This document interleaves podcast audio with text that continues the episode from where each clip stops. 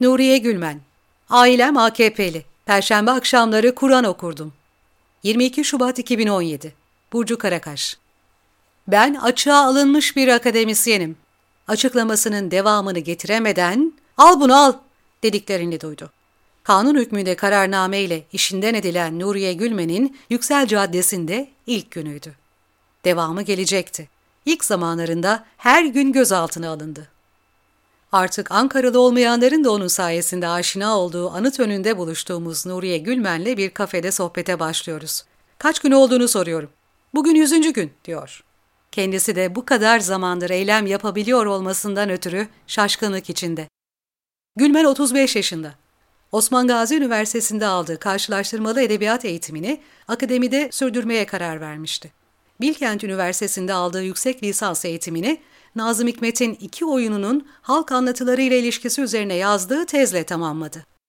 Öğretim üyesi yetiştirme programı kapsamında Konya Selçuk Üniversitesi'nde kadroluydu. Sonrasında Eskişehir Osman Gazi Üniversitesi'nde görevlendirildi.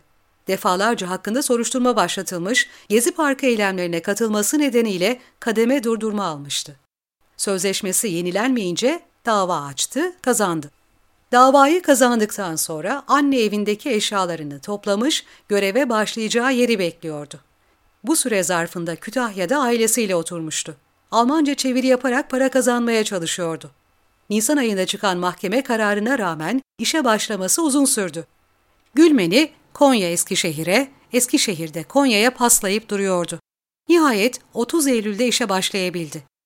Ve fakat bir gün sonra açığa alındığına dair yazı geldi. Hakkımda FETÖ soruşturması açılmış. Sempati duydun mu, toplantılarına gittin mi gibi 42 soru vardı. Anket gibi fikir ve kanaat açıklamaya yönelik sorular. Böyle soruşturma olmaz diye cevap yazdım. Barış için akademisyenler imza listesi oluştuktan sonra birden çevresindeki arkadaşlarının hayatının nasıl değiştiğine şahit oldu. Bir şey yapmamız lazım fikri ilk o zaman aklına düştü.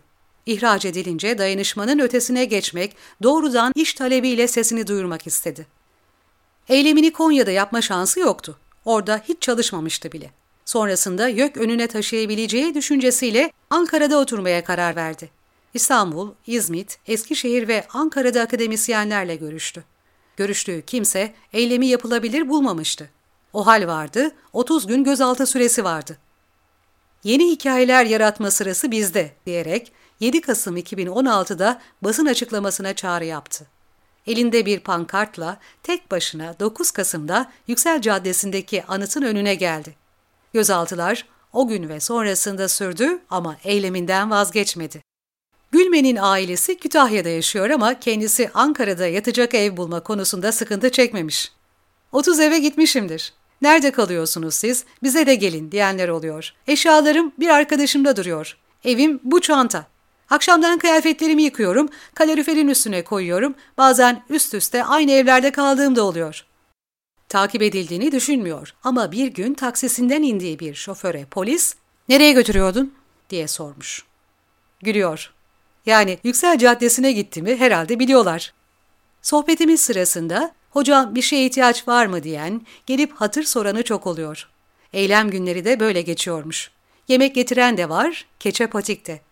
Çok üşüdüğü ve hasta düştüğü günler olduğunu anlatıyor. Aşırı kalın giyiniyoruz, termal, yün, bazen dokuz kat oluyoruz. Vücudum genelde üşümüyor ama ayaklar bir süre sonra üşüyor. Keçelere rağmen ayaktan almaya başlayınca soğuğu üşüyorsun. Ama senin ayakkabın ama senin çorapların diyenler esnaf yemek, çay, kahve gönderiyor. Ailede marjinal olarak görünüp görünmediğini merak ediyorum. Hep öyleyim. Dindar bir ailede büyüdüm. Geleneklerine bağlı, muhafazakar, devletçi, bütün sülalem öyle. Akrabalık ilişkilerimiz sıkıdır. Dolayısıyla çok marjinalim aile çevreme göre. Sorun zaten bende. Babam hep, hayır bana niye yapmıyorlar, diyor. Bundan sonrasını bilemiyorum ama normalde annem babam AKP'ye oy veren insanlar. Darbe girişiminden sonra mahallemizde birini götürdüklerini gördüler. Bildikleri insanları işten attılar. Bana FETÖ soruşturması açıldı. Yanlış bir şey yapmadığımı biliyorlar. Gizli bir şey yapmıyorum. Kuzenimin düğününe gittiğimde orada hayranlıkla izliyoruz diyenler oldu aile çevremden. Politikleşmesi yüksek lisans için geldi Ankara'da olmuş. Tezini yazdıktan sonra döndüğü Kütahya'da belediyede yoksul çocuklara öğretmenlik yapmış. 19 Aralık katliamı için düzenlenen bir panele katılınca 109 gün tutuklu kalacağı Sincan cezaevine gönderilmiş. Temel demokratik haklarını kullanmanın başka şeylere dönüşebildiğini gördüm. Faşizmle tanışmam tutuklanmamla oldu. Öncesinde eyleme falan katılmışlığım çok azdır. Belki bir iki. Üniversite yıllarında hiç politik değildim. Edebiyatla ilişkin beni solla tanıştırdı. Uzun zaman dindar bir insandım aslında. Çocukluğum namaz kılarak geçti. Namaz, oruç. Üniversite bitene kadar perşembe akşamları Kur'an, Yasin okurdum. Nuriye Gülmen hapishaneye girdiğinde 30 yaşındaymış. Hakkında açılan davadan beraat etmiş. Ailesinin eylem yapmasına tepkili olmadığını dile getiriyor. Başörtülü annesi de yaklaşık bir ay önce bir günlüğüne desteğe gelmiş. Burnumun kırıldığından haberi yoktu. Görünce çok üzüldü. Herkesin üzerimize titrediğini görünce rahatladı. Namaza gitti, mescitte zaman geçirdi. Arada kafede oturdu ama gün boyu yanımda kaldı. Biz görüştüğümüzde en son 11 Ocak'ta gözaltına alındığını söylemişti. Yüzüncü gün yaklaşık bir ay sonra tekrar gözaltına alındığı gün oldu. Böylece gözaltına alınma sayısı 23'e çıktı. Öngöremiyordum bu kadar zaman oturacağımı. Gözaltına alıp bırakmazlar, başka engelleme yöntemleri bulurlar. Alanı kazandığımız gün not almaya başladılar. Hayatımın en mutlu günü. Almıyorlar, galiba almayacaklar. Yine de temkinliydik. İşini geri alma konusundaki fikrini sorunca hiç tereddüt etmeden cevap veriyor. Tabii alacağım. Nuriye Gülmen gibi KHK mağdurları Acun Karadağ, Semih Özakça ve Veli Saçılık'ta anıt önünde eylem yapan isimlerden. Onları ve işini geri isteyenlerin Türkiye genelinde altı yerde direndiğini hatırlatıyor. Direnişin büyümesi yönünde bir temennim vardı ama kendim bile ne kadar oturabileceğimi bilmiyordum. Gülmen'in bir de süresiz açlık grevi planı var.